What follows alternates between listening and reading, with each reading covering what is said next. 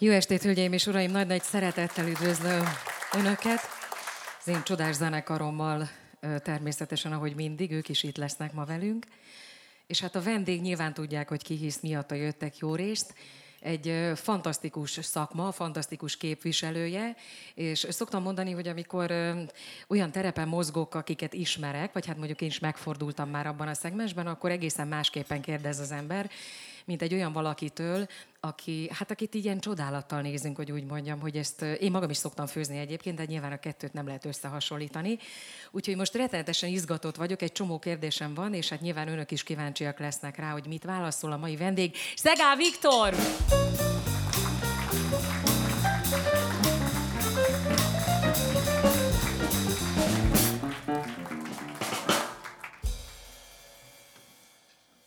Szóval ez most tényleg nem egy duma volt, amit mondtam, hogy most kíváncsi leszek, mert persze mindenki tud főzni, ahogy mindenki tud énekelni is, meg focizni ebben az országban. De akkor most így, de ne, miért nem? Tehát tulajdonképpen igen. Én egyiket se tudom ebből a kettőből. Üdítő kivétel. Mi a különbség? Ha otthon főzöl, vagy hogyha ilyen professzionális körülmények között, és persze ezzel nem azt akarom mondani, hogy otthon nincsenek professzionális körülmények a konyhádban, mert nyilván vannak, de majd ezt egyébként erről is fogadlak egy picit. Tehát, hogy mi a különbség az otthoni főzés, és a, a, amikor így elmész munkába, és akkor ott irányítasz nem tudom hány embert a, nem sok közös van bennük, ez igaz. Egyébként, és nagyon fura, hogy, hogy engem ez ezért nem is vonzott soha, hogy otthon főzzek. Valójában nagyon sokáig egyáltalán nem főztem otthon, csak a feleségem, szerencsére ő jól főz, de nagyon zavaró volt. Tehát borzasztó lassan megy minden, nem dolgoznak körülöttem még öten, hatan, nincs megpucolva a nincs hagyma. Nincs dolgozva, igen. Szörnyű, igen. igen. Ráadásul elfogy minden eszköz két perc alatt, mert hogy ugye nem mosogatnak, hozzák vissza a deszkát, szóval nagyon-nagyon frusztráló, kifejezetten rossz érzés. Ráadásul, ami mondjuk a konyhán 30 perc, az, az mondjuk otthon egy vagy másfél óra is lehet. Úgyhogy nagyon-nagyon rossz. Szóval kifejezetten eh, nem szerettem otthon főzni. Biztos Stresszelt. Ez, biztos ez még soha senki nem kérdezte meg tőled, hogy ki inspirált arra, hogy ezt a szakmát válaszd? Igen, eh, sokan kérdezték, sose szerettem, ha ezt kérdezik. Valahogy éreztem. hát az inspiráció az én, én voltam a magam problémás eh, étkezésével. Utáltam a zöldségeket, a gyümölcsökből keveset. Voltál? Hát a válogatós, az nem hiszem, hogy a jó szó Érte. erre, mert annál azért problémásabb voltam. Úgyhogy nagyon-nagyon sok mindent nem ettem, a legtöbb dolgot egyáltalán nem szerettem. Sőt, még amit esetleg szerettem, az sem biztos, hogy szerettem, ha vastagon van vágva, csak nagyon vékonyan a másikat a kockáza, borzasztó, borzasztó. Akkor öröm neked főzni egyébként. Úgyhogy ma, ma már ez változott azért valami? Én nagyon hálás vendég vagyok, imádom, ja, ha főznek rá, de ma már változott sokat, igen. Hát egyrészt, mert én mikor kikerültem külföldre, még így szerintem az utolsó disszidensek egyike voltam 89. júliusában, de, de mikor kikerültem, akkor nagyon sok mindennel találkoztam, amit egyrészt meg is kellett kóstolni, már hogy mint munka, munkából kifolyólag, másrészt meg nagyon izgalmas is volt. Merre persze. jártál? Én nagyjából tudom, de azért hát ha van, van itt olyan, aki nem. Hát én nagyon sokáig Izraelben voltam, és ott, mert hogy a, az ottani Hilton, itt is a Hiltonban dolgoztam, itt voltam tanuló, és utána kikerültem oda, nagy szerencsémre, mert hogy volt egy román származású séf, akinek magyar volt a felesége, és, és akkor így beajánlottak, és rögtön fel is vettek. Úgyhogy nagyon-nagyon élveztem. Nagyon izgalmas. Amiért először tetszett, hogy a tengerparton van, az ugye nem nagyon jött be, mert az első évben nem jártam a tengerparton, napfényt sem igazán láttam, mert reggel 6-7-kor kezdtem, és hajnalba értünk haza, jó esetben, és már újra vissza, szóval nagyon sok munka volt. De nagyon izgalmas volt, és hát egy teljesen új világ nyílt meg előttem. Egyrészt a közel-kelet, másrészt pedig a, az a sok-sok ember az egész világról, aki oda jött dolgozni, és hát együtt dolgoztunk 15-20 országból ez valóban annyira emberek. inspiráló tud lenni egyébként, hogyha az ember belekerül ennyire nemzetközi mm. környezetbe, és mindenki hozza az otthonról mm, tapasztaltakat, amit ő szeretett, ő látott, de hogy ez tényleg ennyire húzó erő tud lenni, hogy ennyire mm. vegyes a társaság? Igen, vagy pedig pont az ellenkezője, és borzasztóan rosszul érzik magukat. Úgyhogy ez általában igaz persze ugye a közel-keletre főleg, hogy vagy vagy egyszerűen rá tudsz hangolódni erre a fajta létre és erre az életmódra, ami nekem például nagyon könnyen ment, Hiszen nagyon sok olyan dolog, ami itthon teljesen egyértelmű, akkor nem tudom, ott a, sokszor egy üdítőért alkudozni kellett, meg szóval, hogy rengeteg dologgal töltesz sok időt, más dolgokkal meg egyáltalán nem, mert kedvesek, közvetlenek de az étel, mint olyan, az egy, az egy nagy összetartó kapocs. Egyébként ez hogy van, hogy például a, a Hilton, ami ugye ez egy nemzetközi brand, hogy ha egészen más konyhát visz egy berlini Hilton, mint mondjuk egy Tel Avivi Hilton, tehát hogy ott ilyenkor alkalmazkodtok a helyi alapanyagokhoz, és egy picit becsempészitek a nemzetközi konyha mellé az adott országnak a, az ízlésvilágát is? Ugye furcsa, mert az ötcsillagos szállodák világa azért nagyon más, mint amit úgy általában ismerünk. Egyrészt maga a lét egy ilyen, egy ilyen nagy, hát tulajdonképpen egy óriási gyár, ahol persze mindig luxus minőségben kell mindent teljesíteni, és különösen egy olyan városban, mint ahol Tel Aviv, onnan az egész világból érkeztek világsztárok, és Hát ma már nem sokat mond a fiatalabbaknak, de mondjuk Fejdenőben emlékszem, mikor főzhettem, és ott lehettem, hogy az, Hú, hogy az micsoda. Igen, hát egyrészt gyönyörű, Igen. gyönyörű, gyönyörű nő volt, és hát az egész kisugárzása is. Szóval, hogy fantasztikus, de, de maga az a minőségre törekvés, az egyrészt rendkívül kimerítő, és hát óriási személyzettel dolgozunk. Nagyjából ugye a szobákat úgy kell elképzelni a, a létszámot, hogy, hogy általában annyi személyzet van többé-kevésbé, vagy több, mint a hány szoba. Tehát milyen 500 férőhelyes, vagy 500 szobára, arra általában 5-600 fős a személyzet. Ennek legalább a 30%-a az, a, az, a, az az F&B, a Food and Beverage, ami a, ugye a felszolgálók, és főleg a szakácsok. Úgyhogy óriási. Sajnos a szállodáknak rendkívül sok elvárása van. Az egyik, hogy mivel tudják, hogy mondjuk például a Hilton az legalább tíz évig szeretné az ő vendégeinek elvenni a pénzét, ezért mindent megtesz, hogy bármerre járnak, mindig hozzájuk jöjjenek. Tíz évnél tovább nem nagyon sikerül megtartani, de ebben az időben az a cél, hogy kitalálják, hogy körülbelül mit szeretnek, ezért viszonylag hasonlóak a, tehát egy lobby étel az, az nagyon-nagyon sok mindenben hasonlít. Berlinben, Észak-Amerikában vagy Dél-Afrikában. Mi volt az a, az a legnagyobb sok, ami, mert ma már tényleg nagyon sok felé utazhatunk, meg nagyon sok mindent láthatunk az internet segítségével, meg hát egészen más filmek is jönnek be, mint annak idején a 80-as években. Mi volt az a dolog, ami a leginkább ilyen sokkolt téged, mikor megérkeztél, mint tanulót tulajdonképpen egy ilyen helyzetben? Gondolom az alapanyagok például nyilván volt közte olyan, amit azt se tudtad, hogy az micsoda, vagy, vagy csak sejtetted. Természetesen, másrészt pedig ugyan itt is egy Hiltonba dolgoztam, és egy ötcsillagos szállodába, azonban hát ugye itt akkor a 80-as évek végén azért rengeteg dolgot nem láttunk, egyrészt, másrészt pedig olyan főnökökkel dolgozhattam, például az egyik főnököm az pont Gráci származása egyébként, tehát hogy egész közel hozzánk, de ugye ő is ott él tizenéve, hogy Ugye nagyon mások az emberek, nagyon más a hozzáállásuk, de leginkább azt lehetett látni, és ez volt érdekes, nem is feltétlen a konyha, hanem hogy, hogy iszonyúan sikerre éhesek. És nagyon-nagyon szerettek volna előre jutni, és mindenki séf akart lenni a konyhában. Mindenki szállodaigazgató akart, mindenki akart valaki, valaki lenni, és és ez volt nekem a legnehezebb, amikor tizen év után hazaértem, hogy na itt ez még mindig nagyon hiányzik. Szóval más, a, más volt a munka Hogy, hogy szeretné, tehát hogy lehet őket... ambíciózusabbak voltak? Igen, könnyű volt ösztönözni őket, Aha. és könnyű volt olyan emberekkel ugye a szállodában alapvetően, mondjuk a, a, ebből az 500 valahány emberből valójában 9 ember körülbelül, ez a 8-10 ember volt maximum megfizetve. És alattunk ott már egy iszonyatos űr, és nagyon keveset kerestek, ugye főleg ahhoz képest, amennyit dolgoztak, és amit bele kellett adniuk, és ezeket az embereket kellett motiválni. Ami nehéz, és persze ezt tanították is nekünk, de a lényeg mégiscsak az volt, hogy, hogy ők akartak, ők valakik akartak lenni, és lehetett őket motiválni sok dologgal. Itthon azzal nem tudok senkit már, vagy nagyon nehezen motiválni, hogy majd egyszer neki mondjuk egy év múlva valaki lesz belőle, és ő lehet a séf, és ott elég volt megígérnem, hogy hát séf kabátja, és rá lesz írva a neve, és dolgozott és boldog volt, mert hogy ettől jutott mindenki előre, és ezért lehetett nagyon hamar előre jutni. De ez egy generációs dolog szerinted, hogy most ö, vagy csak ö, mi így ö, szeretjük azt gondolni magunkról, hogy egy picit ö, mások voltunk, mert a mai fiatalokat szokták egy picit szídni emiatt, hogy valahogy sokkal gyorsabban szeretnének mindent megkapni, sokkal gyorsabban akarnak oda jutni, ahova mi 10-15 év alatt eljutottunk, ha egyáltalán eljutottunk, hogy ők mindent rögtön akarnak. Ö, azt gondoltam, amikor visszajöttem, hogy igen, én azt hiszem, hogy ez inkább kényelmes ezt gondolni. Pont ugyanannyi lusta volt, meg buta volt, meg alkalmatlan. Nem hiszem, nem, nem, nem, nem, nem gondolom, hogy ez a, ez a különbség.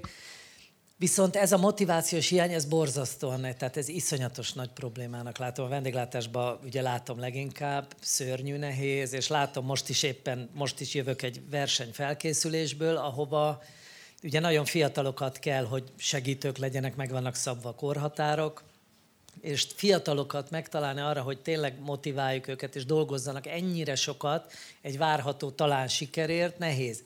Annak idején sem volt könnyű, de, de én azt hiszem, hogy, hogy, hogy lehet, hogy ilyenek vagyunk. Nem tudom, nem tudom, nem szeretek ilyet mondani, de úgy érzem, hogy egy kicsit ez a, hogy nem vagyunk annyira sikerre éhesek, mint amit látok.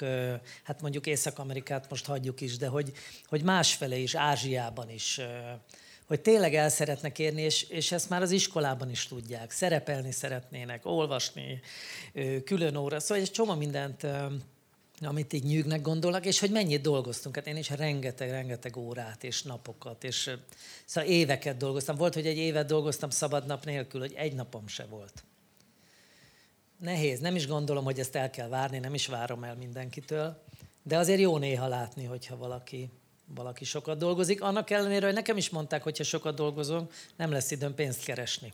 És erre emlékszem, mikor először mondták, és persze biztos van ebbe valami, de, de ez mondjuk, ez szomorú, ez a része egy kicsit szomorú. Egyébként elnézést kérek azoktól, akik már ezt hallották tőlem, ezt a történetet, egyszer valahol talán elmeséltem egy, egy ilyen televíziós adásban, hogy volt egy... Ö, ö, azt hiszem a Berkeley Schoolon, ez egy bostoni ö, zeneiskola, egy nagyon híres iskola, és tényleg csak nagyon-nagyon-nagyon tehetséges fiatalokat vesznek föl. Még azok is általában nagyon tehetségesek, akik fizetnek azért, hogy ott tanulhassanak, és hát nyilván van egy olyan réteg, akinek nem kell fizetnie, mert annyira ö, tehetségesnek gondolják őket. És csináltak egy ö, fölmérést, hogy miért van az, hogy ugyanazzal a kép látszólag ugyanazzal a képességgel, ugyanazzal a tehetséggel, valakiből, most szándékosan mondok ilyen butaságot, hogy Beyoncé lesz, most csak mondtam valamit, vagy a nem tudom én, a Michael Brecker, vagy még sorolhatnám, és nagy-nagy idézőjelben rakva egy zenekarban játszik, egy fantasztikus zenekarban, ott egy picit egyel hátrébb. Az sem rossz, az félreértés nehezen, csak hogy mi, mi az, ami eldönti, hogy valaki oda kerül, oda nagyon az elejére, és egy picit hátrébb ugyanazzal a képességgel, vagy látszólag ugyanazzal a képességgel. És és hát nagyon sokféle dolgot vizsgáltak, és egyszer egy, néha szoktam, azt túlzás, hogy tanítani, szoktak kérni tőlem ilyet, hogy valami kis órát gyerekeknek tartsak, és föltettem a kérdést, és megkérdeztem tőlük, hogy szerintetek mi döntött amellett, hogy mondjuk kiből lett igazán nagy sztár, és kiből mondjuk egy nagyon jó iparos, most csúnyán fogalmazok. És mindent mondtak. A, ő, ő biztos szexibb volt, ő tuti, hogy a nem tudom kinek volt a kie, izé. egyetlen egy dolgot nem mondtak, ami tulajdonképpen, amire jutottak ezután a bizonyos vizsgálat után, tízezer munkaórával többet rakott bele. Ez nem jutott eszükbe. És mikor ezt így elárultam nekik, hogy hát néha nagyon sokat kell dolgozni, nagyon sokat kell gyakorolni, és néha nem szabad azt mérlegelni, hogy megéri-e hosszú távon, vagy nem, mert általában egyébként hosszú távon megéri, hogy ennyi munkaórát beleteszel abba, amit igazán szeretsz. Mindenképpen. Ugye egyrészt rengeteg munka, ugyanakkor valamiféle tudatosság, bár bennem valahogy nem tudom. Nagyon kell szeretni, nem? Amit csinálsz. Borzasztóan, mert hogy egy gyönyörű országba érsz a tengerparton, ahol ahol, ahogy mondtam, tényleg a napsütést pedig aztán ott van napsütéses Igen. órák, hogy nem látsz, és ezt nem igazán bánod, és nem mondom, hogy néha nem jut eszembe, vagy le, vagy nem jutott az eszembe így, így hajnalba, hogy, hogy lehet, hogy nem ezt kéne csinálni, mert eszembe jutott, de mondjuk talán háromszor így életem során, és az is talán inkább emberi volt, mint, a, mint maga a, a fizikai munka, mert hogy, mert hogy azért itt megvan az a nagy előnyünk, hogy, hogy itt azonnal kapjuk a, a visszajelzést És például nekem ugye sok író, festő, mindenféle művész barátom van, akiknek teljesen más a gondolkodásuk, és mindig mondják nekem, hogy hát ezt nem így kell csinálni, hogy te a jövő arra kell gondolni, hogy majd később, és most olyat alkossál, ami majd, ami maradandó, és Hát mondom, figyeljetek, ez engem egyáltalán nem érdekel tényleg, hogy, hogy majd lesz szobrot száz év múlva, vagy beszélnek. Tehát, tehát egyáltalán sose éreztem fontosnak, pontosan annyira nem, mint amit például egy újságíró néhány éve kérdezte, hogy, hogy mennyi híres embernek, és hogy Brad Pitt és Clinton odajött, és kezet fogott, hogy az, hogy az milyen? Hát pont, mint a többiek, de tényleg. Mert hogy miért lenne, Clinton örülök, ha tudta egyáltalán milyen országban van, Igen. nem azt, hogy kifőzött, főleg úgy, hogy tudom, hogy nem is evett, mert neki már rég a szobájába adtuk. Egyrészt a, van az a, nagyon sok olyan védett embernek főztem, akikről tudod, hogy valójában nem fognak enni, a, és itt a CIA-től a tényleg a kínaiakon át, a rengeteg-rengeteg olyan híres ember, akiről tudjuk, hogy vagy készítünk ételt, azt is megröngenezik, átvilágítják, egy óra múlva végre megeheti, azt is a szobájába, hiszen nyilvánosan nem fognak ételhez nyúlni, mert ugye az veszélyes eleve. Szóval, hogy az miért nagyobb elismerés? Vagy hogy Brad Pitt tök jó, eljött kétszer is, nagyon klassz, de hogy miért kéne attól boldogabb legyek, mint egy normális vendég, aki meg egyébként még jövő héten is be fog jönni? Hát nagyon dühös. Nem is írta bele a, egyébként az interjúban, mert mondta, hogy ez, hogy ez nem így van. De de szóval, hogy nem, tényleg nem ez, a, nem, ez a, nem ez egyáltalán nem ez a lényeg, de hogy visszatérve a munkára, hogy igen, ez, ez nagyon-nagyon sok munka, és még akkor se tudjuk, hogy, hogy ki az, aki sikeres lesz, vagy miért. De annyi kellett, és én az első tíz évemet azt annyiba tudatos volt, hogy, hogy sose gondolkodtam, hogy hol, hogy hol keresek pénzt. Tehát, hogy sose néztem, hogy mennyi pénzért fogok dolgozni, holott nem engedhettem meg magamnak én sem, mint hogy sokan mások, hogy nekem igenis számított nagyon, hogy, hogy, hogy mennyivel keresek többet vagy kevesebbet, 10%-kal is. Ennek ellenére sok olyan hely volt, ahol úgy kezdtem el dolgozni, hogy csak hóvégén tudtam meg a fizetésem, mert annyira nem érdekelt, hogy mennyi lesz. Én, én ott akartam lenni, és ott akartam dolgozni, és ezek a dolgok meg nagyon is, nagyon is kifizetődtek. Egyébként a ranglétrából mennyit jártál végig? Tehát hol kezdted, amikor kimentél Tel Avivba? Hát ott, ott ugye a szállodákban borzasztó hosszú, van a Cook 1, Cook 2, és aztán én, egy, én onnan kezdtem a, a legaljáról, mert hogy nyelvet kellett hozzá tanulni, meg nagyon sok minden. Aztán Cook 2, aztán van a demiséf, ami a szállodákban általában a séf, vagy pontosabban a szakács, bocsánat, és aztán az is egy érdekes, hogy hogy vannak a rangok, hiszen ugye nem akarnak fizetni. Először inkább adnak egy, nem tudom, chef de parti leszel, aztán nem tudom, senior chef de party, aztán még csak junior sous és aztán chef, de ezt igazából azért voltak, hogy, hogy ne kelljen több fizetést adni, de már adhassanak rangot. Szóval, hogy hosszú rangléta, én azt tudtam, hogy a szállodában nehéz előre jutni. Ezért én, én ott dolgoztam a, a, a Hiltonba, utána viszont nagyon jó francia éttermekben dolgoztam, és tíz évvel később, már mint séf helyettes, második ember kerültem vissza tehát az a húsz év, ami alatt egyébként megkeserednek a szállodai dolgozók sok esetben, az itt szerencsére nekem kimaradt. Mi a te De... pontos dolgod egyébként? Tehát mi az, amit, ami, tehát, mert nyilván ez egy iszonyatos nagy gyár. Mi az, amit te mondjuk lefekvés előtt, vagy tehát ez a nap végén, vagy nap elején, nem tudom, hogy van ez nálatok, el kell döntened, hogy a holnapi nap mi lesz, a, vagy mennyire előre dolgoztok. Tehát mi a te pontos dolgod? Hát most ugye, mint, mint tanácsadóként, meg rendezvények, ugye nagyon-nagyon más. Annak idejére egy ilyen óriási ö, gépezet, ez három napra dolgoztunk előre, előre. Uh-huh. tehát az egyik elképesztő volt, hogy különben milyen olajozottan és milyen jól tud működni. Hát ma ez azért más van, mert hogy, hogy azért szerencsére azt, azt ki tudom választani, hogy mihez van kedvem, és hogy kikkel szeretnék dolgozni, és hogy hova menjek el, és hogy sok dolgot elvállalok azért, mert tényleg nagyon jól fizetik, azért, hogy egyébként meg sok dolgot megtehessek ingyen, hogy elmehessek, és hogy segítessek, vagy egyszerűen csak, csak támogassak embereket. Szóval, hogy ez, ez pontosan ugyanolyan fontos ez a része. Meg hát ennek annak is kéne lennie. De például ez az önkéntesség és a segítség, az, az egy kicsit nehezen megy a vendéglátásban, nehéz meg nehéz rávennem másokat, hogy úgy mondjam, hogy ők is segítsenek. És ez, mit, ez egészen pontosan mit akar, amikor önkénteskedsz? Hát nagyon sok mindent. Én, én szoktam a szervát ültetetteknek, akik ugye már átestek a, a, a műtéteken, és hát aztán az egy, az egy iszonyú kemény, kemény évek várnak rájuk, és például nekik szoktam rendezvényt vagy együtt főzni, a bátor tábor, ahol meg ugye gyerekek, Igen. akiknek szörnyű nehéz, a szüleik, meg aztán ugye ott a családok.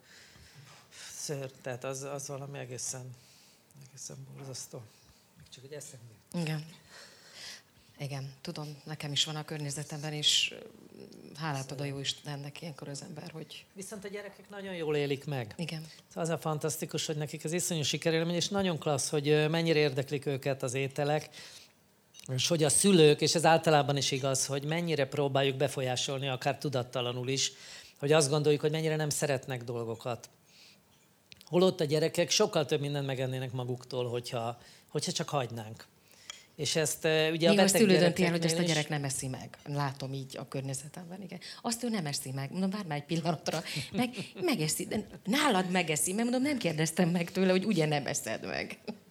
Ez így van, ez így van. És, és hát nagyon sok gond van persze az élelmiszeriparral is, és hogy olyan dolgokat várnak el ma már a gyerekek az ételektől, mondjuk egy eperlekvártól, amit tudjuk, hogy ha mi megfőzünk egy epret, az nem, olyan. az nem lehet olyan piros, annak nem lesz olyan illata, mert az nem olyan, az sose tudta ezt. És hogyha ezt nem neveli, mint ahogy mi például tényleg tudatosan próbáljuk elmagyarázni és megmutatni nekik, hogy hogy mik vannak az ételekbe, és hogy milyen. És, és persze ezt nem tudott tiltani, mert igen, nézze meg, meg menjen be a, a nem Oda, tudom, a, a, a gyors étterembe, és egy csomó dolgot, amit az életünk része, ha akarjuk, ha nem, de tudja és értse a különbséget. Meg hát, hogy értse a, egyszerűen azt, hogy van egyfajta igényesség, ami nem pénzkérdés, hanem, eh, hanem, hanem legfeljebb egy kicsit több energia. Katasztrofálisnak látod egyébként az egész ilyen élelmiszer gyártó lobbit, vagy nevezük be, tehát hogy tényleg hát, én, an, üzlet, csak azért, mert tudod, én, a, igen, én magam annak látom, csak hogy kérdezem, hogy ez tényleg ennyire rohanunk a vesztünkbe? És lassan már nem eszünk semmi olyat, ami eléggé, organikus? Eléggé, de persze ugyanakkor az organikus üzlet is egy ugyanolyan borzasztóan Tudom, nem igen. korrekt. Szóval, igen. hogy fura az egész persze, de, de az tény, hogyha egy kicsit odafigyelünk, és tényleg nem egyszerű. Mert ha mindennek elolvassuk, hogy mi van a hátára írva, akkor nem fogunk vásárolni. Ez így van. Mert Erről van egy nagyon édes történetem, sajnos az anyukám már nem él, de ő, ő, ő, hát, ő tényleg ilyen iszonyatos energiát tolt abba bele, hogy mi egészségesen étkezzünk, és volt egy nagy kertünk, és csirkét tartott, és hát ő tudta, hogy milyen egy biorépa és ahol laktunk, már nem ott lakunk, de a hatodik kerületben volt egy biozöldséges.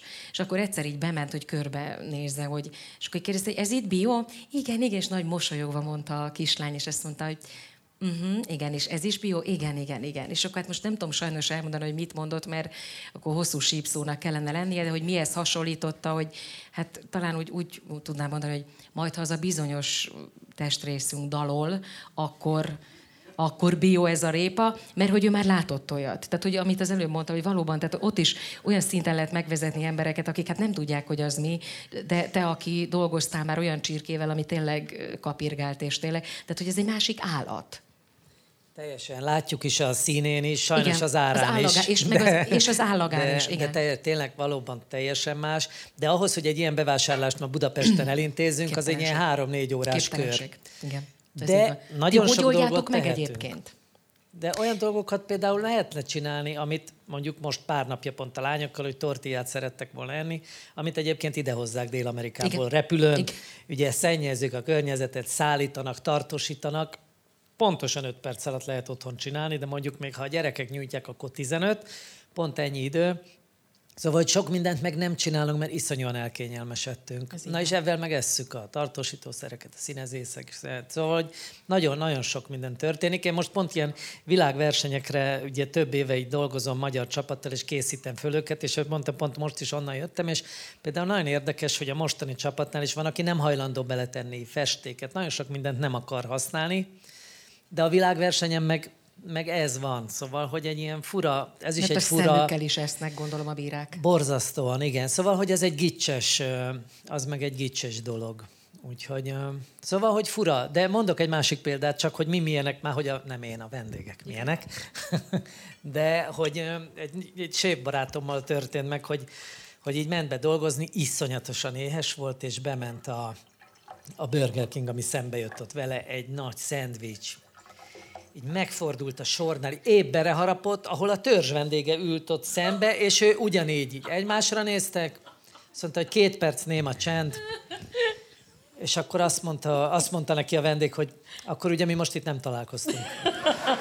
és hogy, szóval, hogy ebben nem kell elítélni meg, hanem hogy ez ilyen. Igen. Ez ilyen. De ha már itt a versenyeket említetted, ugye ez a nagyon, én igazság szerint lehet, hogy butaságot mondok, de ugye a Bocuse az olyasmi, mint a színészeknél mondjuk egy ilyen Oscar díj. Tehát, hogy ez az Igen. tényleg a, a egy leg... kicsit stresszesebb. Hosszabban kell Nem biztos, lehet, hogy az Oscar díjig való eljutás is lehet annyira stresszes. De, de ugyanannyi kamera van. Az biztos. Ugyanannyi kamera van. Igen, szóval, hogy nagyon nehéz, és persze igazságtalan a maga módján, mint minden más verseny. És hát, hogy el kell fogadni, hogy Franciaországban vagyunk, és hát Kicsit előnyt, az, tehát az oda, arra, je, arra lejt így egy picit a... Próbálkoznak, ma már ez nem nagyon megy, erős skandináv, skandináv vezetés van most már, vagy 8-10 éve. De hát a franciák, én Lyonban tanultam Igen. és dolgoztam, úgyhogy én, én ismerek, ismerem őket, de azért ez, ez úgy, hogy mondjam, megviseli a nemzetközi mezőnyt hiszen itt 64 országból több ezer séf, amikor kijut oda, az a 24, és, és hát ugye a franciáknak van egy, ők alapból azt gondolják, ugye, hogy ők találtak ki mindent. Igen és csak ők tudják. Pedig a görögök.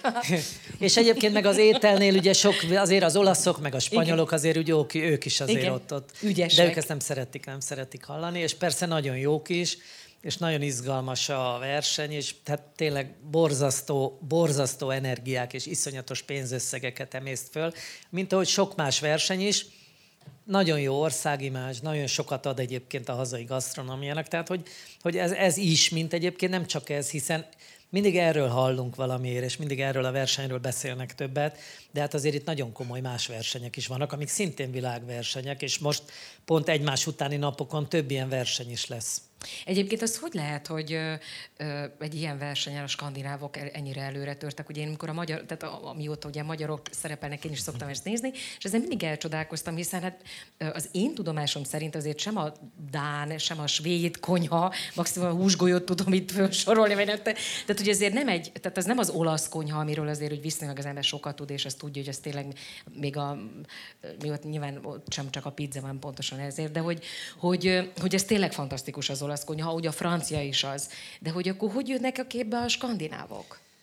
Hát ahogy mondtad, a sok munkával, az Értem. alázattal, ezzel. Ők ugyanis nagyon komolyan veszik. Ugye a spanyolok, az olaszok, ők kicsit másképp állnak ehhez Igen. a versenyhez, és miután ez körülbelül egy év, mind napi 10-12 óra munka, a skandinávok egyszerűen nagyon érdekesen állnak hozzá a versenyre, hiszen mi, mikor Franciaországba megyünk, és most is volt egy Chartreuse nevű, az volt a téma, és hogy az egy ilyen könybelábat szemmel így néztük, hogy a 70-es évek, és hogy ezt kitaláltak, és akkor megpróbáljuk reprodukálni, és ült mellettem a norvég aranyérmes, Bokuz aranyérem, mondta, jaj, jaj, jaj, én értem, hogy mondasz, de mennyivel szebb, hogyha egy tészta, és itt lenne egy padlizsán, tudom, tészta. A chartreuse hát a, a franciák már most forognak az öregek a sírjukat, ilyet nem lehet. Azt miért? Hát itt van a versenyleírás, de nincs írva. Na és ők így gondolkodnak, neki ettől szép, tökéletes, hogy ők, ők jól ért, jó értelemben, de hogy egyáltalán nem tisztelik azt a fajta hagyományt, ők versenyeznek. És, Élsport. És egy ilyen csapat ö, tényleg egy évig készül egy ilyen hát, versenyre? Annyira, hogy... De az egyik, hogy összeszokjon a, a, a társaság? Tehát, hogy már tényleg ilyen félszavakból, vagy egy pillantásból Annyiból se valójában. Aha hanem mi minden reggel ugyanakkor keltünk, amikor a verseny lesz, ugyanakkor kezdtünk dolgozni, ugyanúgy ettünk, tehát, hogy ez abszolút, tehát teljesen, mint, mint az élsport, ugyanúgy készültünk erre. Örületes. És percre beosztva, ugye, tehát, hogy valami egészen elképesztő, meg hihetetlen nagy élmény is, mert hogy fantasztikus profizmus van benne, meg hát vér, verejték, csalódás. Tehát ott a, a versenyben az első nyolcból csak az első örül többi az sír. Miközben valószínűleg az A 12 hét... örül, igen, a hogy, harmadik igen, meg a második igen, igen. Az, az zokog. El tudom képzelni. De ez meg szomorú. Fölírtam, mert nem tudtam megjegyezni. Azt olvastam, hogy az volt az álmod, hogy legyen egy molteni, úgy kell ejteni, jól mondom? Molteni konyhát. Direkt nem néztem utána, hogy ez micsoda, mert azt szerettem volna, hogy te mondd el, hogy ez micsoda, miért volt neked ez ilyen iszonyatos nagy álmod, hogy legyen egy molteni konyhád? Mi az? Hát az a ez a, tehát, hogy van a konyha, az Aha. a molterni, aztán nagy szünet, és még vannak minden, van még ezer más cég. De hogy ez, tudod, ez olyan, mikor így meglátod ezt a, ezt a tűzhelyet, és ami egyébként egy sparhelt 1923 óta ugyanúgy is néz ki, attól függetlenül a gombok ugyan rossz helyen vannak, mert le kell hajolni, ami még 28-ban nem zavart senkit, most már nem akarod, és belül egyébként teljesen a legújabb technológia, és tényleg egészen fantasztikus, de, de hogy úgy megsimogatod ugye a, a szélét. Szóval, hogy van benne valami fantasztikus, és a vendégek is kérdezték, hogy jó, jó, de hát, hogy ez vagyonokba kerül egy ilyen, hogy ez, hogy miért ezen jobb lesz az étel, ha ezen főződ? Hát mondtam, annyival lesz jobb, amennyivel én jobban érzem magam, mert csak ennyivel, tényleg csak ennyivel. De nekem ez például pont elég. Nekem, de ez de önző dolog. De én persze, abszolút én megértem. Viszont a belső órám azt súgja, hogy az első bréket meg kell, hogy tartsuk a beszélgetésben. Ugye ez egy zenés műsor, és hát kifaggattunk így hogy kik, kik a te kedvenceid a jazz műfajából, és hát nem volt nehéz dolgunk veled, mert egészen szép listát kaptunk, úgyhogy ilyenkor mindig nagyon boldogok vagyunk, mert azért azt el szoktam árulni, hogy volt már itt olyan vendég, akinél nekünk nagyon be kellett segíteni, hogy rájöjjön, hogy neki van kedvence a jazz műfajából, és ő maga is rácsodálkozott, hogy tényleg biztos vagyok benne, hogy van egy kedvenced. Ez veled nem így történt. És miután hát ez Ella Fitzgeraldot egyébként nagyon sokan mondták már rajtad kívül is, de ez azért nem olyan nagy probléma, mert hát nem három slágere volt minden idők egyik, hanem a legnagyobb jazz énekesnőjének, az én ízlésem szerint a legnagyobbnak. Úgyhogy választottunk tőle is uh, dalt a mai műsorba, amit én majd énekelni fogok, és aminek én személy szerint nagyon-nagyon örülök, mert ha hiszed, ha nem, az elmúlt négy évben senki nem kért Brazilt. Pedig hát ugye a jazznek az egy nagyon erős része, hogy úgy, és ráadásul az én ízlésemhez nagyon közel is áll, a, a brazil jazz. Ezt is el szoktam mondani, de most is elmondom, hát ha még nem hallotta valaki, hogy és szerintem a brazil nyelv az olyan, mint a csehszlovák. Nekünk a, a ugye? Egy kicsit hangzásra olyan. Nekünk a jazz tanszakon kellett énekelni portugálul, brazil-portugálul, és amikor az ember tanulta ezeket a dalokat, akkor meg voltunk róla győződve, hogy ez kizár dolog, hogy ez, ennek köze van ennek a nyelvhez a franciához, a spanyolhoz, vagy biztos, hogy nem. Tehát ez, ez, ez, ez csehszlovák, csak egy picit másképp ejték. És és aztán egyszer nagyon vicces volt a, a, a időközben az én volt férjem megtanult spanyolul, nagyon-nagyon jól lévő, hogy kinnél, és rá is kényszerült, és egyszer fölhívott, és azt mondta, te ide figyelj, én értem ezt a portugált, úgyhogy ezek tényleg van némi közük ezeknek egymáshoz. Úgyhogy azóta már mégiscsak el kell, hogy higgyem, hogy hogy szóval a brazil az mégiscsak egy pro, por, De hogy én hogy jutottam egyébként Igen? ide, mert hogy ez egy fúziós. Igen? És valójában én a, a fúziós ételek kapcsán jutottam el egyébként a fúziós jazzig, mert hogy én egyszerűen csak először a, a, tehát a szóra, amire felfigyeltem, és és aztán, mikor meghallgattam, akkor valójában azt gondoltam, hogy nem is értem, hogy miért nem, hogy miért nem ezt a fajta jazz hallgattam a, a, az, ele, az előző tíz évben, mert egész, annyira más, és közben annyira nagyon izgalmas, nagyon izgalmas, és körülbelül ez történik egyébként a fúziós ételekkel is, és egyébként abban az időben is kezdődött, csak Észak-Amerikában. Hát akkor picit most muzsikáljunk.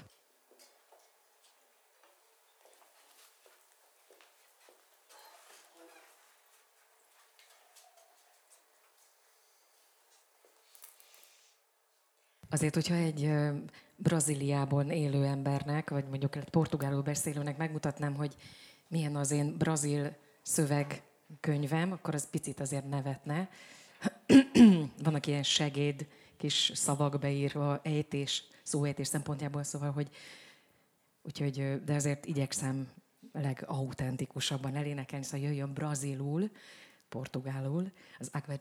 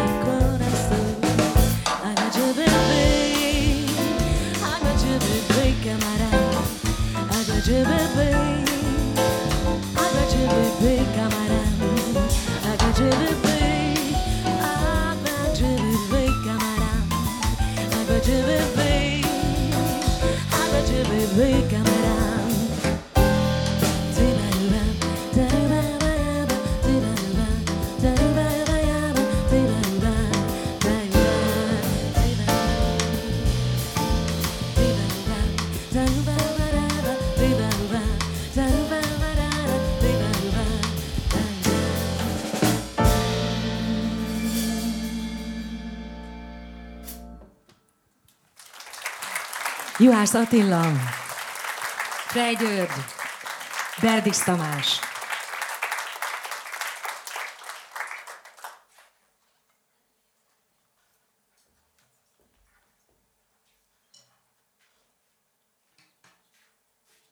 És most jön az egyik legismertebb dal ebből a körből. A dal címe Brazil, ugye mindenki így ismeri, legalábbis az észak-amerikai részen.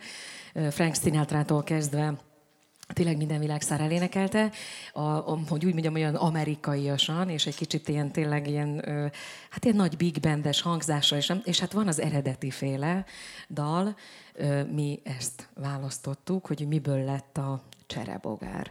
Az én ízlésem szerint azért ez egy ez sokkal fincsibb, hogy úgy mondjam, bár imádom Frank sinatra és amit ő szokott csinálni, úgyhogy Brazil.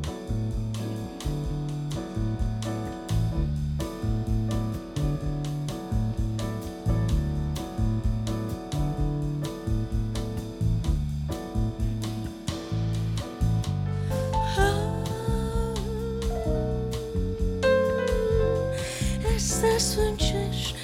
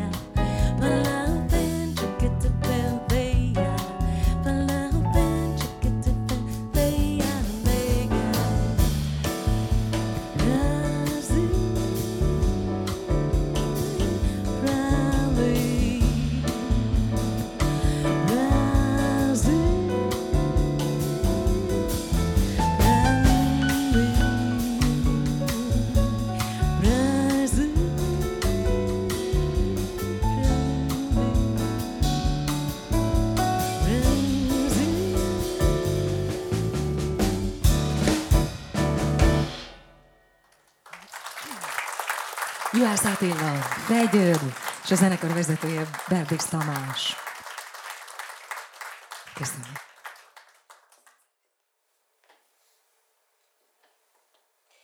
Miért van az az érzésem, hogy nem gondolnám, hogy a nők rosszabbul főznek? Szerintem egyébként azt szokták mondani, hogy a legjobb szakácsok valahol valamelyik kisfaluban egy nagymama, vagy jó sok nagymama, tehát ez rendjén is van, de mégis a séfek között sokkal több pasit találunk, és valahogy az az érzésem, hogy ez Egyébként én egy konzervatív feminista lány vagyok, ma fejtettem meg, hogy ezt kell, hogy mondjam magamra, de hogy mégis ezzel nincs semmi baj. Hogy jól érzem, hogy hogyha egy nő kerül egy ilyen pozícióba, akkor valahogy ez egy egészen más energia, mint amikor pasiséffel dolgoznak a, a, a, a csapat. Jól érzem, hogy itt van valami tehát, hogy nem... Most nem, Itt sok nem, van, nem akarom sok ki, van ebben. Igen, igen tehát, nem azt, igen. Nem, tehát nem akarom azt kimondani, hogy nőből nem lehet jó séf, de mégis valahogy az az érzésem, hogy mindenhol kellenek a női energiák, de hogy nagyon valahogy az az érzésem, hogy nem biztos, hogy itt egy nő tudna úgy vezetni egy csapatot, mint ahogy egy pasi tud. És még egyszer mondom, nem azért, mert mi nők egyébként butábbak, tehetségtelenebbek, és kevésbé strapabíróak lennénk, sőt, vagy hogy nem lenne, ne lenne olyan fantáziánk, vagy ne lennénk annyira ügyesek, de mégis ez az érzésem. Igen, hát ez egy hosszú, ám téves felvezetés volt, de... Jó, de itt vagy te, aki majd elmondod a tutit. Mert hogy igen, pont ugyanúgy tudnak. Persze Ázsiában mondjuk a koreai japánokkal, ugye ők megmagyarázzák, hogy a nőknek melegebb a keze, ne nyúljon halhoz. Tehát, hogy van, aki e, e köré még fon is valami, valami olyat, amivel úgy érzi, hogy ezt indokolni tudja. De igazából egyszerűen arról van szó, legalábbis amit én láttam így a az utóbbi 31 néhány évben, hogy, hogy iszonyatosan nehéznek, eleve nehéz egy ilyen közegben, és nem csak amiatt, hogy fizikai munka, borzasztó stressz, mert hogy erről nem beszéltünk, de hogy ez sokan ezt sem tudják kezelni. Na, ezt a nők pont ugyanúgy tudják szintén.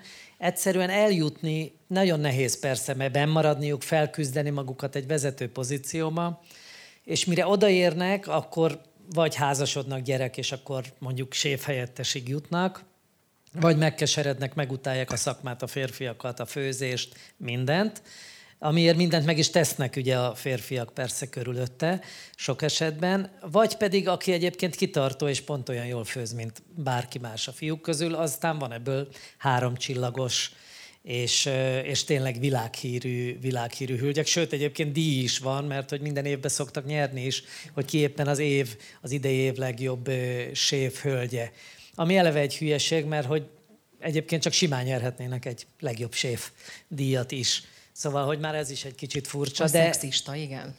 Abszolút. Viszont nagyon nehéz ödőtni, és akik egyébként eljutnak oda, sokuk borzasztó kemény. Tehát, hogyha mondjuk a legkeményebb, én mondjuk, tehát Franciaországból, aki visszajön, ahogy én is például a gyakorlatról, egy kétcsillagos helyről, amikor visszajöttem, én, én ott értettem meg valójában, hogy hogy, hogy én nyertem egy, egy ilyen fiatal séfeknek volt egy versenye, és az első hely az, az, egy, az egy pénznyeremény volt, amiből lehetett utazni.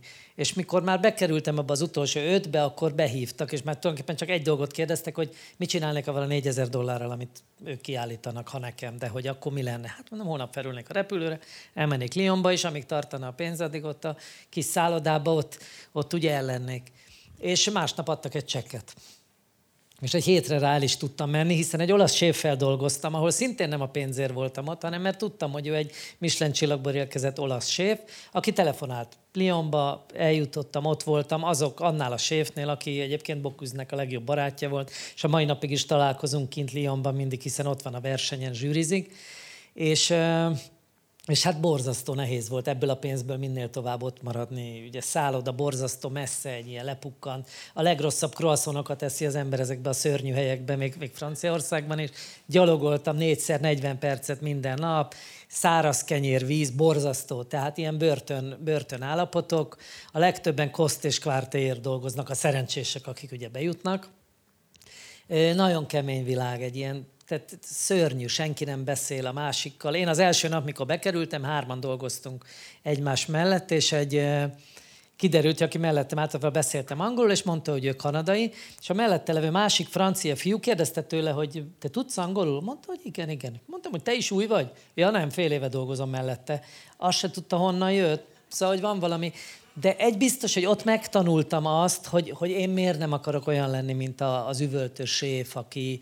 Tehát, hogy ilyen, Ugye attól függ, milyen lelki állapotba kerülsz oda, rengetegen összeomlottak ott, franciák, japánok, mindenfelől, nem nagyon bírták a, fizikai részét még úgy, ahogy azt sem bírták sokan, viszont a, azt a lelki stressz, amit ott kaptál nap, mint nap, az, az tényleg nem tudták feldolgozni. És egyébként érthető módon persze, de borzasztó, borzasztó nehéz volt. De ez csak fejben eldőlő dolgok, tehát hogy ez nem olyan komplikált. Viszont mikor én onnan visszamentem a szállodába újra ahhoz a 120 szakácsomhoz, akkor mondták is, hogy nagyon megváltoztam. Mert, eh, mert én, azt, én akkor, mikor megláttam, hogy ez a fajta, mert ugye itt nincs diktat, a, a, a konyhába ott, ott nincs, nincs demokrácia. Ott egy ember mondja meg, mit csinálunk, és az van. Olyan, mint egy katonaság. Az olyan, mint egy katonaság, pontosan úgy is működik, nem mindig logikusan, nem mindig, mint a katonaságban. De de én ott jöttem rá, hogy én nem akarom, amit ők csinálnak, hogy a rettegés, a félelem, és hogy én nem akarom, hogy az én szakácsaim azért csináljanak meg valamit, mert félnek. És nem félnek, rettegnek, de szó szerint rettegnek. Én azt mondtam, hogy én, én azt szeretném, hogy csinálják meg azért, mert ők igényesek, ők tudják, hogy mi a jó, hiszen megkóstolták, meg lett mutatva, meg lett tanítva. Hát ez a nehezebb út, egyrészt el kell, hogy mondjam, sokkal nehezebb út persze, de de azt gondolom, hogy nagyon mások is a konyhák. És hát nálam, ezt a mai napig is mondják, de utána is, hogy, hogy nálam miért van olyan csönd a konyhában. hogy ugye hozzászoktak, hogy kiabálás, és, és hát csapkodnak, és szíven szúrlak, és hazamegyek. Ezt egyébként egy hölgyséf mondta a, a mellette dolgozónak, hogy most, és ugye van egy nagy kés a kezébe, még nyolc előtte, szíven szúrlak, és hazamegyek.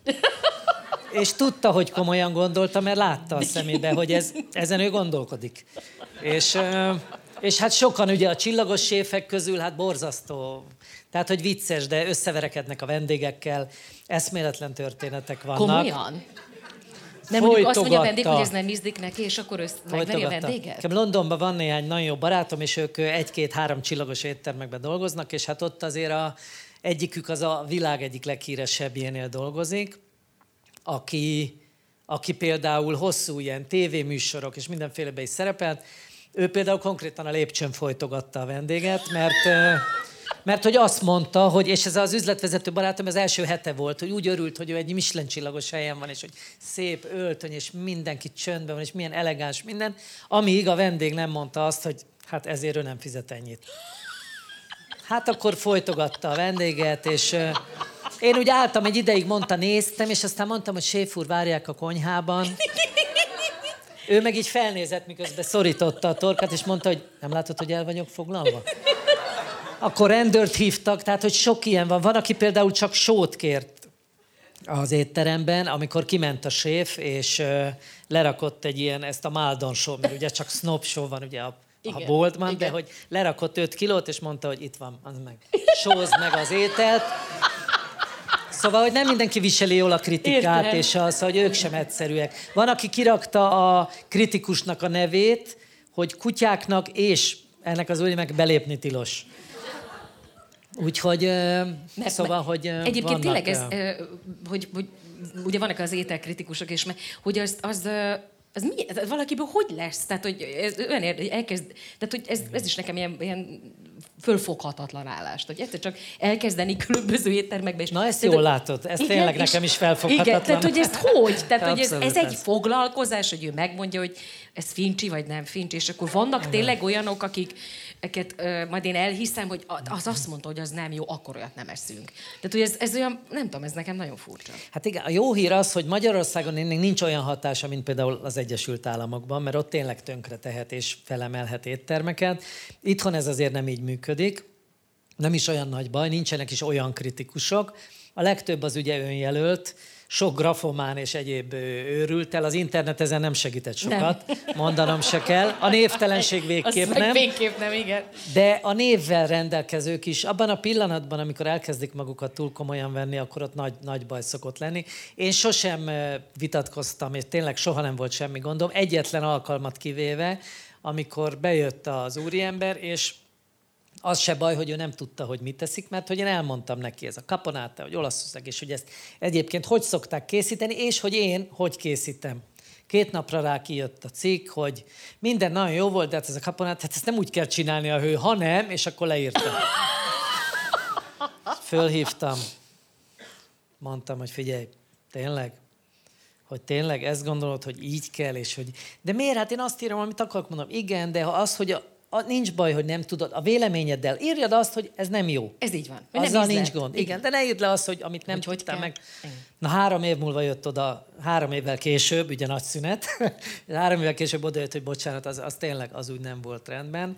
Szóval, hogy a kritikusoknak egy része az, az ugye leginkább magát szeretné mutogatni, de ez sok mással is van így. Tehát ez ugyanígy van a séfekkel, és egy pont egy, egy brit chef mondta ezt, egy nagyon-nagyon okos, Rick Stein úgy hívek, és egy iszonyatosan szimpatikus ember, és ő, ő egyszer azt mondta, hogy, hogy milyen fura a világ, hogy ugye eltelt ez a, hát mondjuk körülbelül száz év, és ez alatt mennyi minden változott, de leginkább az, hogy régen a vendégekről neveztek el ételeket, és hogy nekik volt, ugye, hogy Rossininek meg volt a saját asztala, és hát sorolhatnám, tehát hihetetlen történetek vannak, a vendégekről, akik ma már lehet, hogy nem ismerjük, és hogy mennyi minden a Rigó Jancsi, ugye, a, szóval, hogy vannak nagyon jó, nagyon jó történetek, amik, és ma meg, ma meg a séfek várják el, hogy oda menjenek, és akkor örüljenek, hogy ott lehessenek.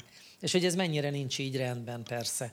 De, de ennek egy része show. A tévé, ugye a tematikus csatornák ezen sok jót, és sok kevésbé jót is hoztak, de a lényegen nem változtat azon, hogy ahol, ahol érzik az alázatot és a szeretetet, az, az nagyon, az nagyon-nagyon, az nagyon-nagyon jól tükrözi maga az étterem. És valójában a nagy hibát a vendégek követik el, mert egyrészt nem reklamálnak, úgy csinálnak, mintha minden rendben lenne, akkor is, ha nincsen. És azt igenis el kell mondani. Vagy ha valami csak jó és nem nagyon jó, azt is el kell mondani. Mert különben nem tud egy étterem jó, jobb lenni, mint amilyen mondjuk most. És az, hogy ők ezt hogy kezelik, hát az már a, az már tényleg az ő, ő, az ő problémájuk. De az a gond, és ebben mi itthon nagyon-nagyon-nagyon gyengék vagyunk.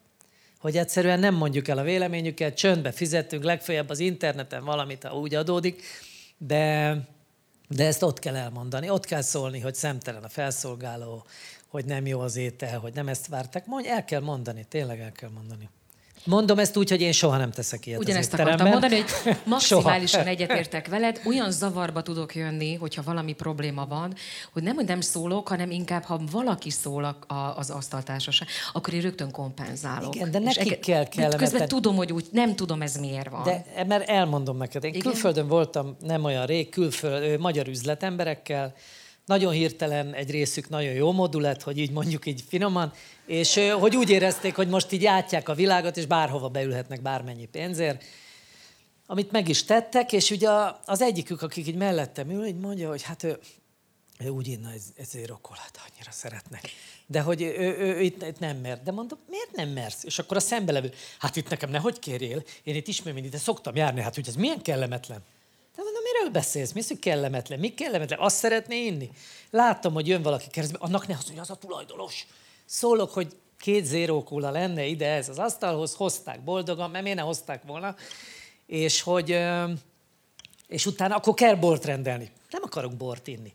Hát de ilyen helyen szokás. Mondom, figyelj, tényleg, hogy, hogy ezt ne. Én 20 éve járok ilyen helyekre, dolgozok ilyen Mi az, hogy szokás, hogy én az étteremben, ahol egyébként egy 250 eurós vacsoráról beszélünk, hogy nekem miért legyen kellemetlen, és én csak kirendelem az ételt, és ránézek, hogy milyen szép, akkor elviszik, teljesen nyugodtan hozzák a következőt, mert azt szeretnék, hogy nekem jó legyen.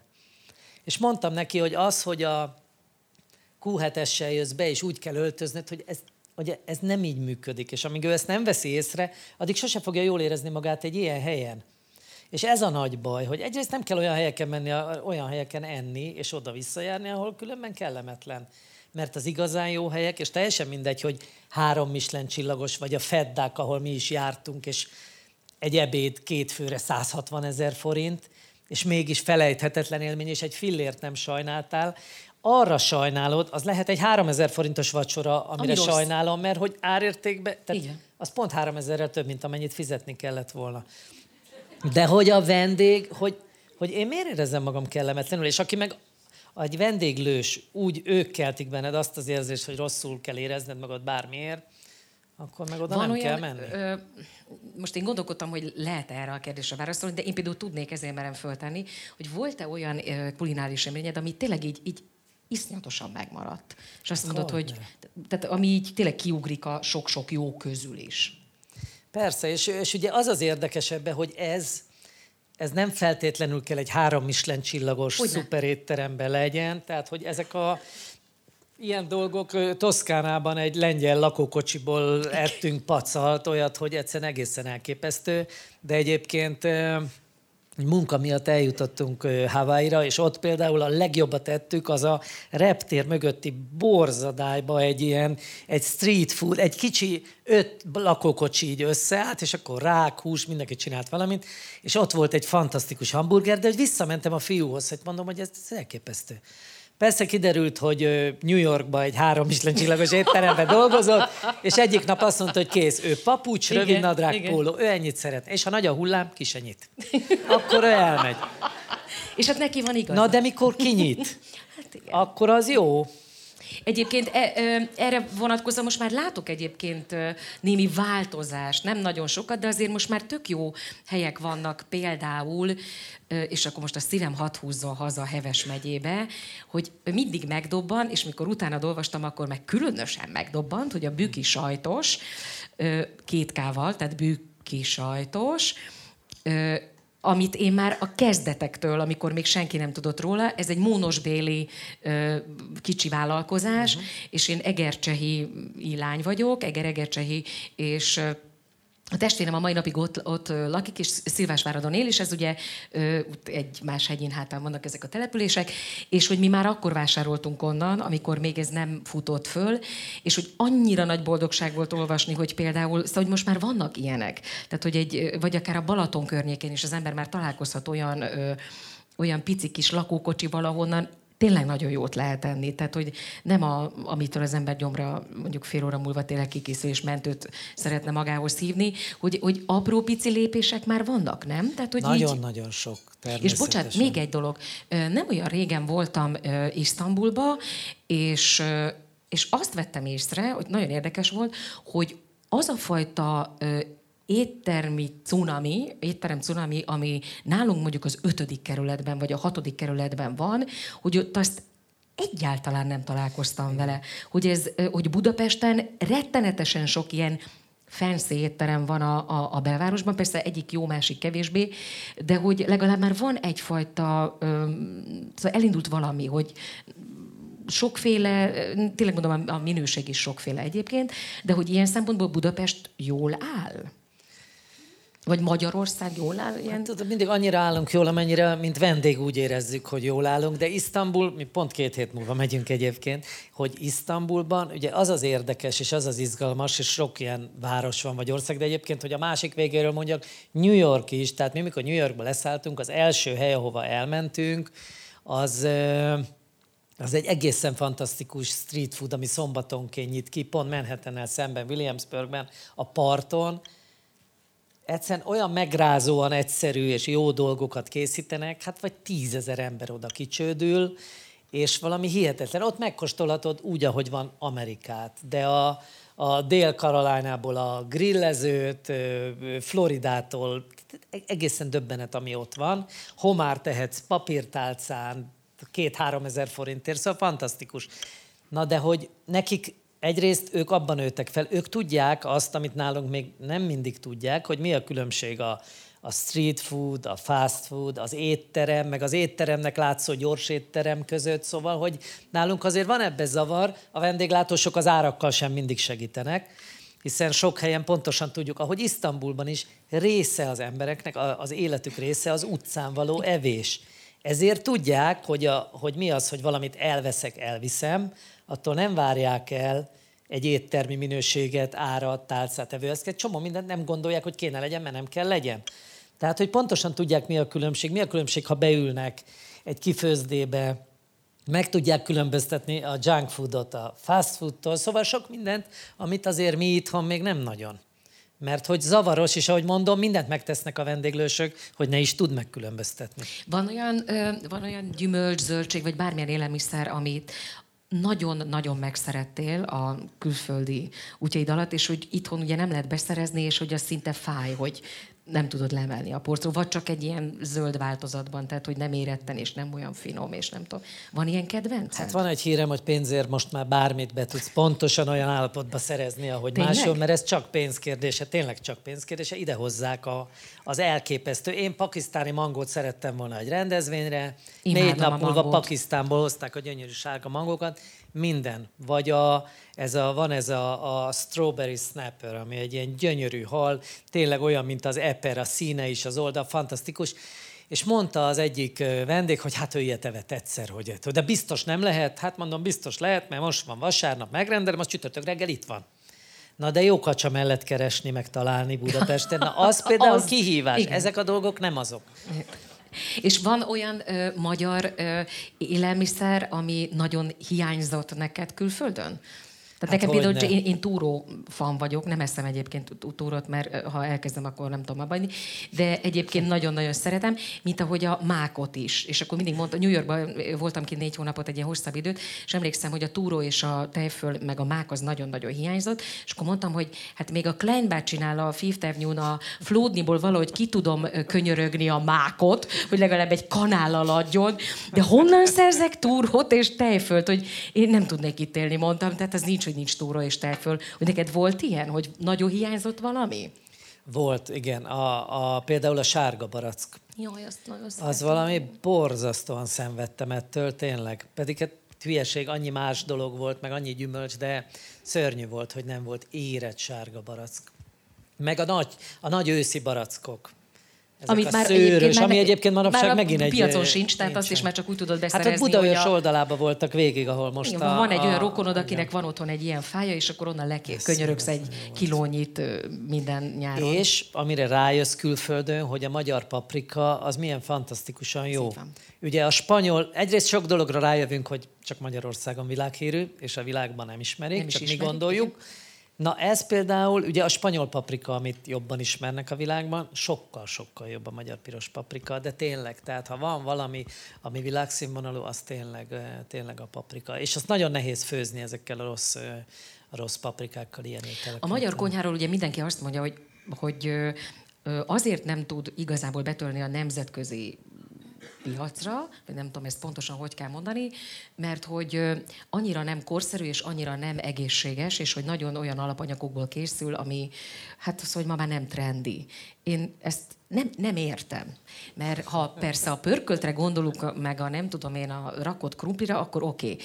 De egy jó főzelék az, vagy egy Nem is jó... értik a főzeléket. Igen, Én Michelin csillagos séfeknek kérdezték, hogy miket szoktak itt Magyarországon enni. Gondoltam, hogy lesokkolom őket néhány étellel. Hát tudtam, hogy mi, mi lesz a kulcs szó. Mondtam, hogy krumplis tészta. Na hát, tehát, hogy azt mondták, hogy ezt a kettőt sose eszik Igen, együtt. együtt. Igen. Hát de. Világ És mondom, nem azért ettük ám régen, mert Igen. hogy ez olyan baromi jó ötletnek tűnt, Igen. hanem ugye nem volt hús, persze. nem volt, egy csomó oka volt ennek. Aztán már volt paprika, hagyma, ha nem volt, akkor De amúgy nem isteni? volt. Amúgy igen. Nekünk, mint Kicsit a sportszelet, tudod? Igen. Én hazajöttem tizen év után, miután mindig varróna csokikat ettem, meg nem tudom, hogy beleharaptam így ebbe a sportszeletbe, és éreztem azt a, a rumaromát, a, a katica kakaópornak ragadta. Na mindegy, ilyenek tudok sokat mondani még, de mindegy, de hogy... Na és akkor kérdezték, de a süti, hogy meséljek nekik, hogy itt a, a, a hogy mit szeretnek a legjobban. Hát mondom a somlóit. Mondták, és abban mi van, abban mi van? Mondta a cukrász séf, a három csillagos Igen. cukrász séf. Hát mondom, hogy hát van mazsola, meg a piskóta, a csoki, és akkor így gondolok, aha, aha, aha, és hát jó, ha, jó, jó, de és, és, és úgy eszembe jutott, hogy ez az ember elkezdi összerakni a sütit, és eddig egy centinél tart. Igen. És mikor jön a... Mondtam, hogy ennyi. Nekünk ez így ennyi. Jó, de, de egyébként de, Szóval, van, hogy- de van olyan kaja a gulyáson kívül, ami szóval, hogy még mindig itt tart a világ egyébként? De hogy a gulyást imádják a világban. Csak az a kérdés, hogy miért kéne, vagy miért szeretnénk látni, hogy a világban mindenhol Ne, ne, ne, ne, magyar... ne, csak ahogy jöjjenek. mondjuk én föl tudok sorolni, nem tudom én, azért, mit tudom én, azt hogy a mexikói konyhából, vagy, vagy akár már ázsiai konyhából, vagy nem tudom, néhány dolgot, hogy, hogy még mindig ott tart a világ, hogy max gulyás és kész. A gulyást azt ismerik, igaz, hogy a pörköltet, szóval hogy vannak erős képzavarok. Igen, igen, igen. De, de mondjuk De az a, is van meg, szerintem meg néha megcsinálják mangóval, meg körivel, de még mindig, szóval, hogy vannak vad, vadhajtások, de, de arról tudnak, a dobost ismerik A például. dobost ismerik?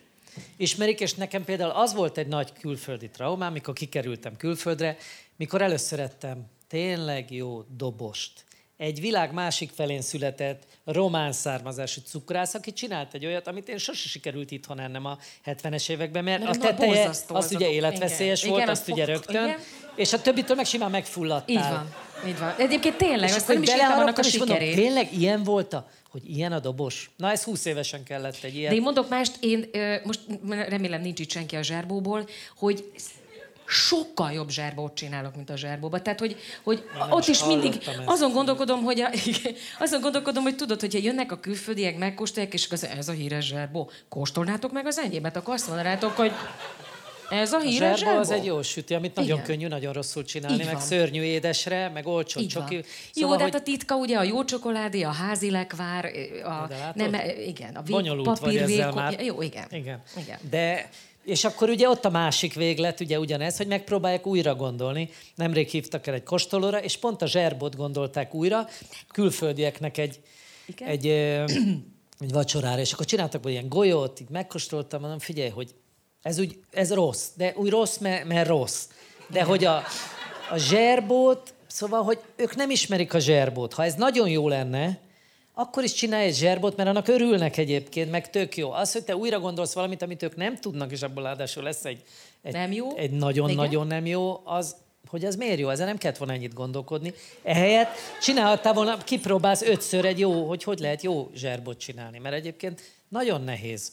És a jó dolgok alapvetően persze egyszerűek, nem könnyű. Így tehát, van, de pont de, attól de, hogy... egyszerű és nagyszerű.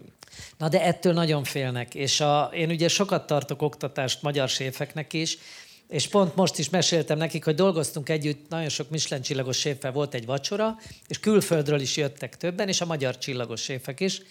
És ö, kezdtük az ebédet, és mondtam, hogy na, akkor mennyi idő van összerakni? Hát mondta, hogy neki kell 60 perc, hogy így összerakja csak a tányérokat, 80 arra az 50 főre. Na, ne hülyeskedj, már hát negyed óra arra raktam össze most a ketten egy három csillagos olasz séffel az ételét.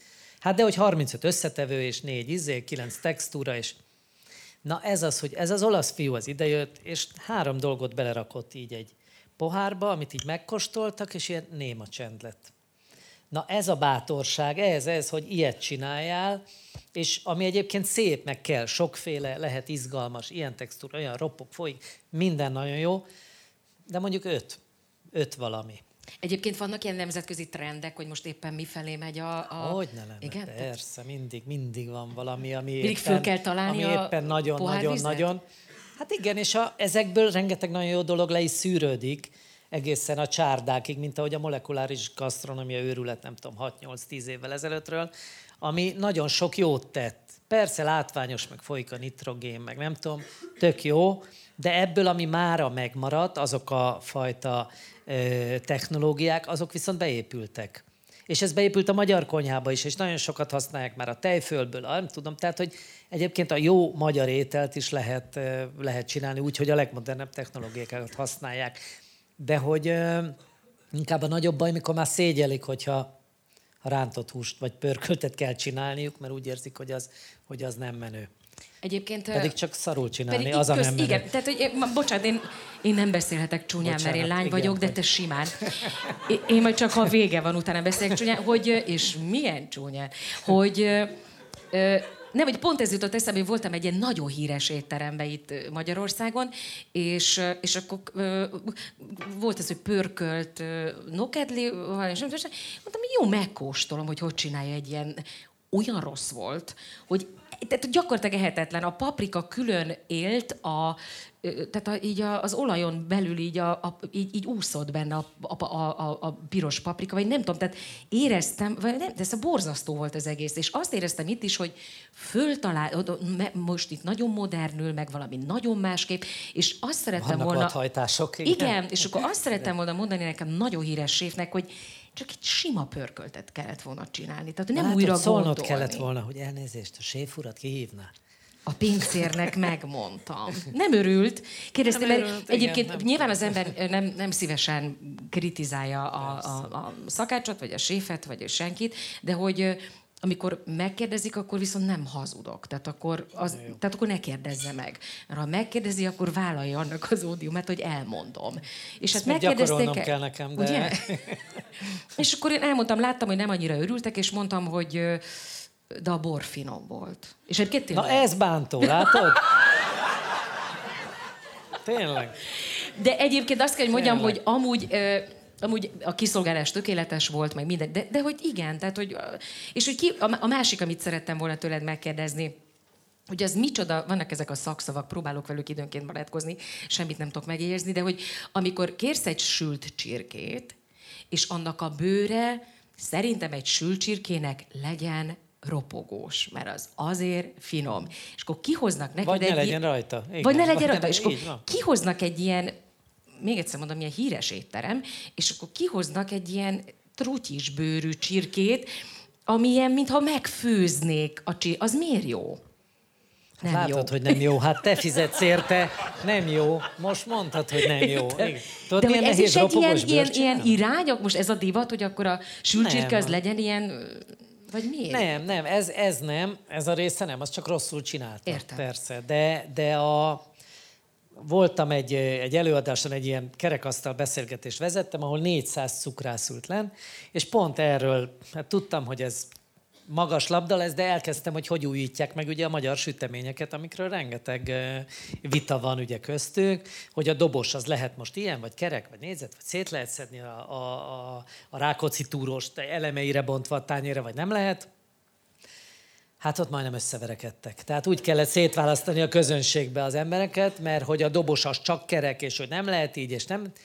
És mondtam is nekik, hogy tök jó, hogy ezen vitatkoztok, meg nagyon klassz, de hogy alapvetően mindegyikötök csinálja, amit tud, aztán a vendégek aztán tudod, vagy szeretik, vagy nem. Tehát ez rajtuk múlik.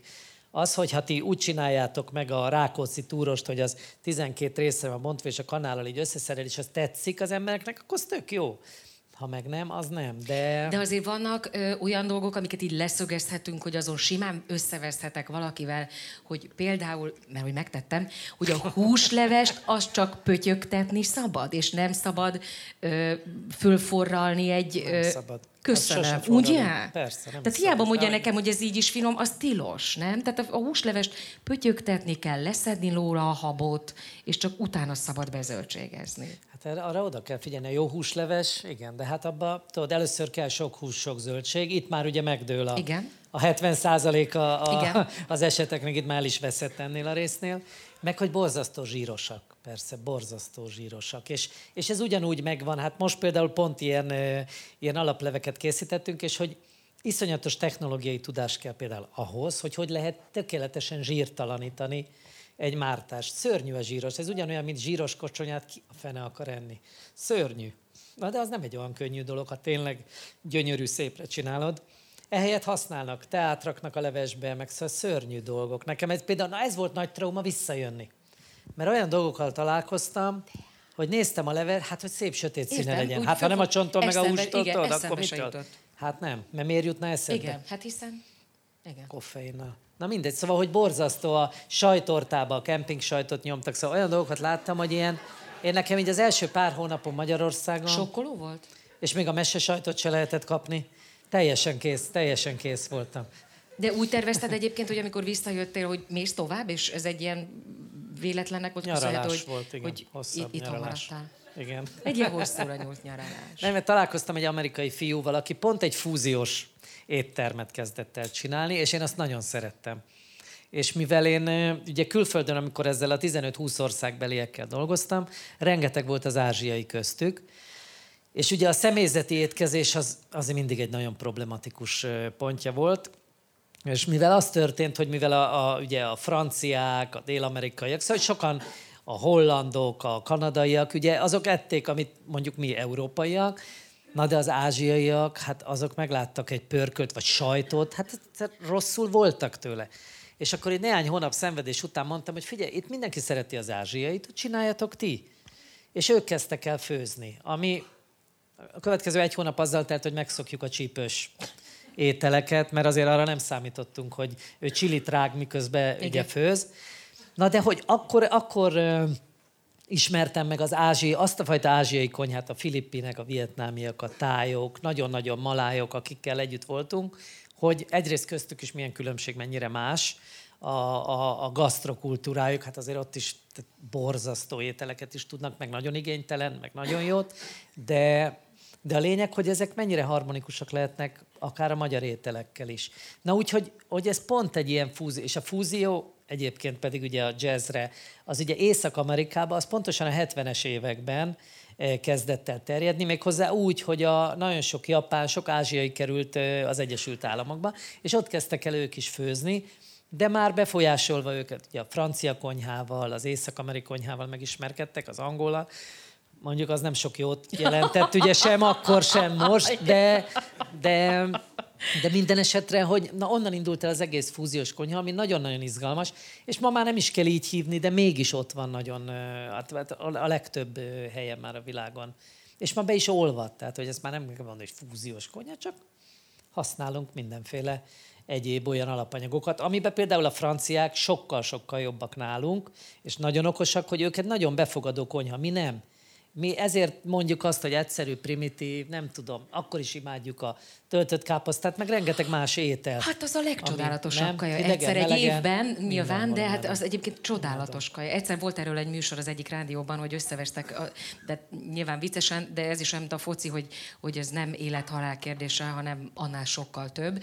Tehát, hogy a töltött káposzta recept is, tehát, hogy nem élet-halál kérdése, az, de annál sokkal több, és én magam is beszálltam volna abba a beszélgetésbe, mert hogy, hogy például nálunk gerslivel van, szigorúan, és szóba nem jött a rizs, a, és egy pici káposzta is kerül, nem csak savanyított. Szigorúan én magam taposom a káposztát, mert az összesen lehet hasonlítani azzal, amit bármelyik piacon lehet kapni a házi káposzták közül, és a húsér is ki kell menni a piacra, mert egyszer jártam úgy, hogy egy magát nagyon, hát hogy is mondom, hirdető, ilyen, hát nem mondjuk ki annak a nevét, ami, hát szóval ilyen, hát nem, nem a Lidi, hanem nem is az Aldi, hanem a harmadik, ami ilyen nagyon sok, na mindegy, szóval ott vettem húst, és ki kellett dobni, mert hogy pedig ők úgy hirdetik magukat, hogy hú, de milyen klassz, és nem tudom, ki kellett dobnom, mert ilyen ilyen gumiszerű lett az egész töltelék, tehát nem az, amikor így hozzányúlsz és így omlik és szétdől, hanem így kellett vágni.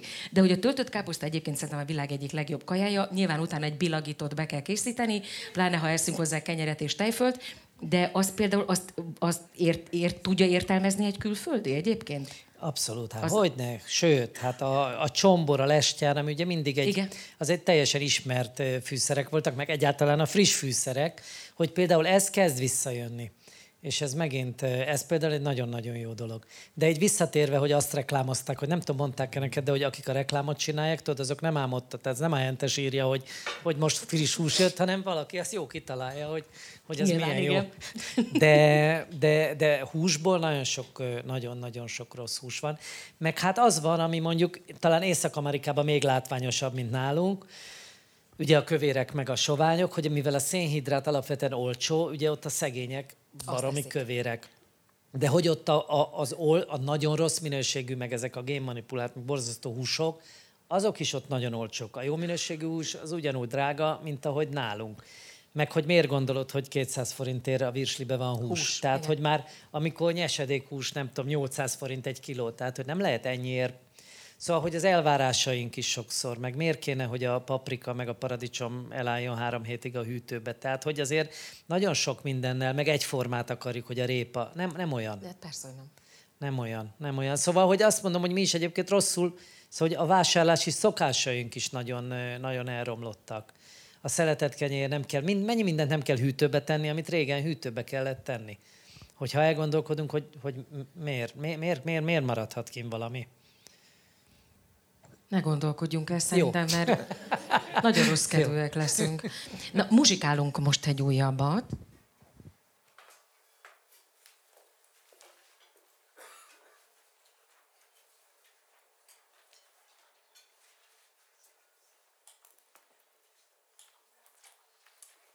Azt találtam mondani egy brazil blokk előtt a gyermekemnek, aki 19 éves, hogy és most jöjjenek fantasztikus világslágerek, és akkor nagyon cuki volt, azt mondta nekem a végén, hogy ezt majd máskor nem mond már, mert rajtad kívül senki nem ismeri.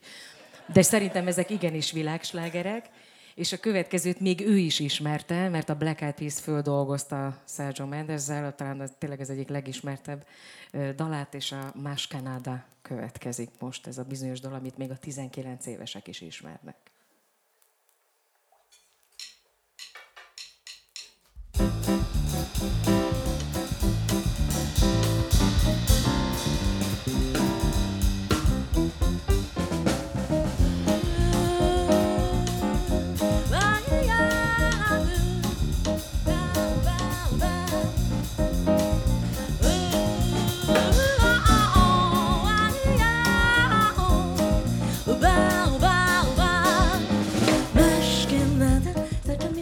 Que te quer besar, mas o chão não está animado. O que, que eu quero é samba. Este é samba que é misto de maracatu.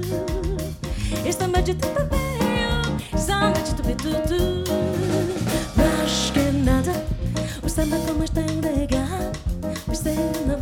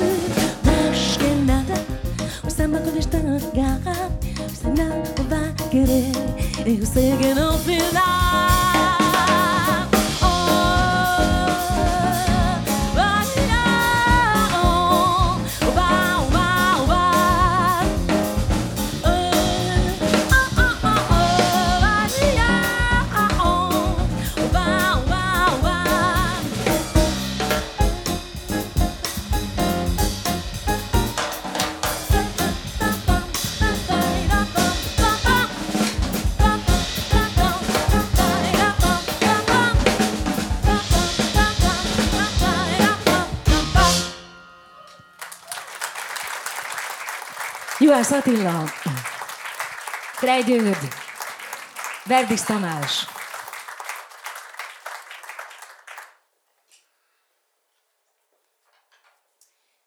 Muszáj megkérdeznem itt a műsor vége fel. Egyébként mindig szokott jelezni a belső órám, hogy hol tartunk, de egyszerűen nem, tudtam, hogy előbb kellett volna már énekelnem. Most szerintem már körülbelül fél tíz van. Mondjuk fél tíz lesz négy perc múlva. Egy?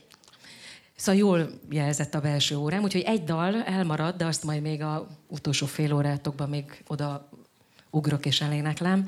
Csak annyira izgalmas dolgokról beszéltél, és amit az, elő, az elején is mondtam, hogy, hogy persze mindenkitől az ember szeretne sok-sok mindent megkérdezni, aki itt ül velem szemben, és tényleg iszonyatosan szerencsés vagyok, hogy meg is kérdezhetem.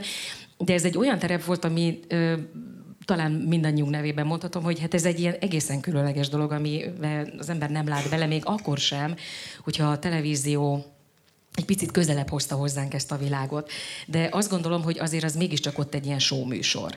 Tehát a valós történeteket, azokat csak akkor látja igazából az ember, hogyha közöttetek így eltöltene néhány órát. Én egyébként egyszer bekéreckedtem egy szállodának a, a, a hátsó traktusában, hogy, hogy hogy készül egy mondjuk egy ilyen 500 fős szállodának a, a vacsora és a reggeli, és nem tudom, csodákat láttam egyébként nagyon tanulságos volt, és nagyon izgalmas egyébként. És például ott föltettem azt a kérdést, amit most neked is fölteszek, hogy és mit teszik a személyzet? Tehát, hogy, aki, tehát, hogy te, ha főzöl, akkor mit eszel közben? Semmit? Vagy csak úgy bele-bele kóstolsz? Vagy, vagy volt rá például, hogy leülsz és úgy szépen megebédelsz, vagy megvacsorázol, vagy ez a legritkább?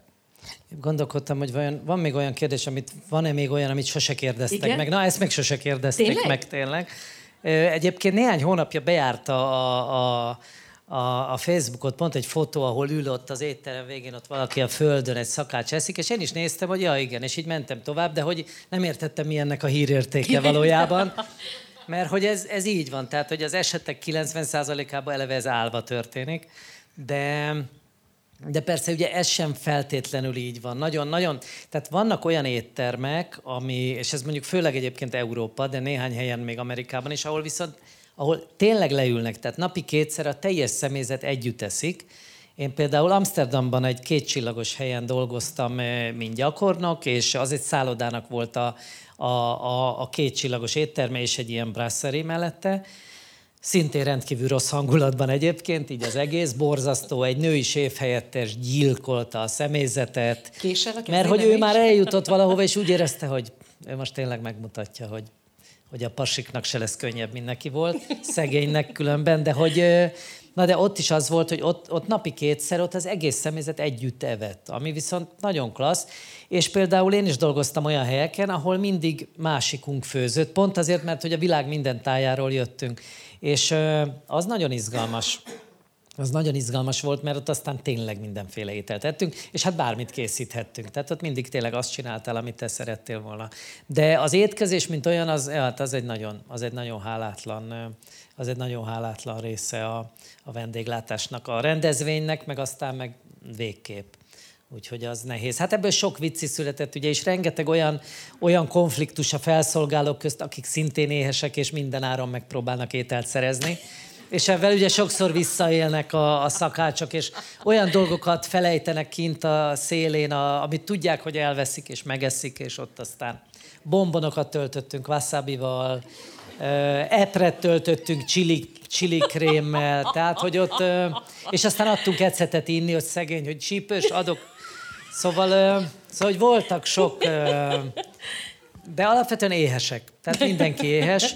És még egy információ, amit Igen? nem árt, ha tudsz, hogy minden vendéget kibeszélnek. Ez így igaz. Tényleg így történt.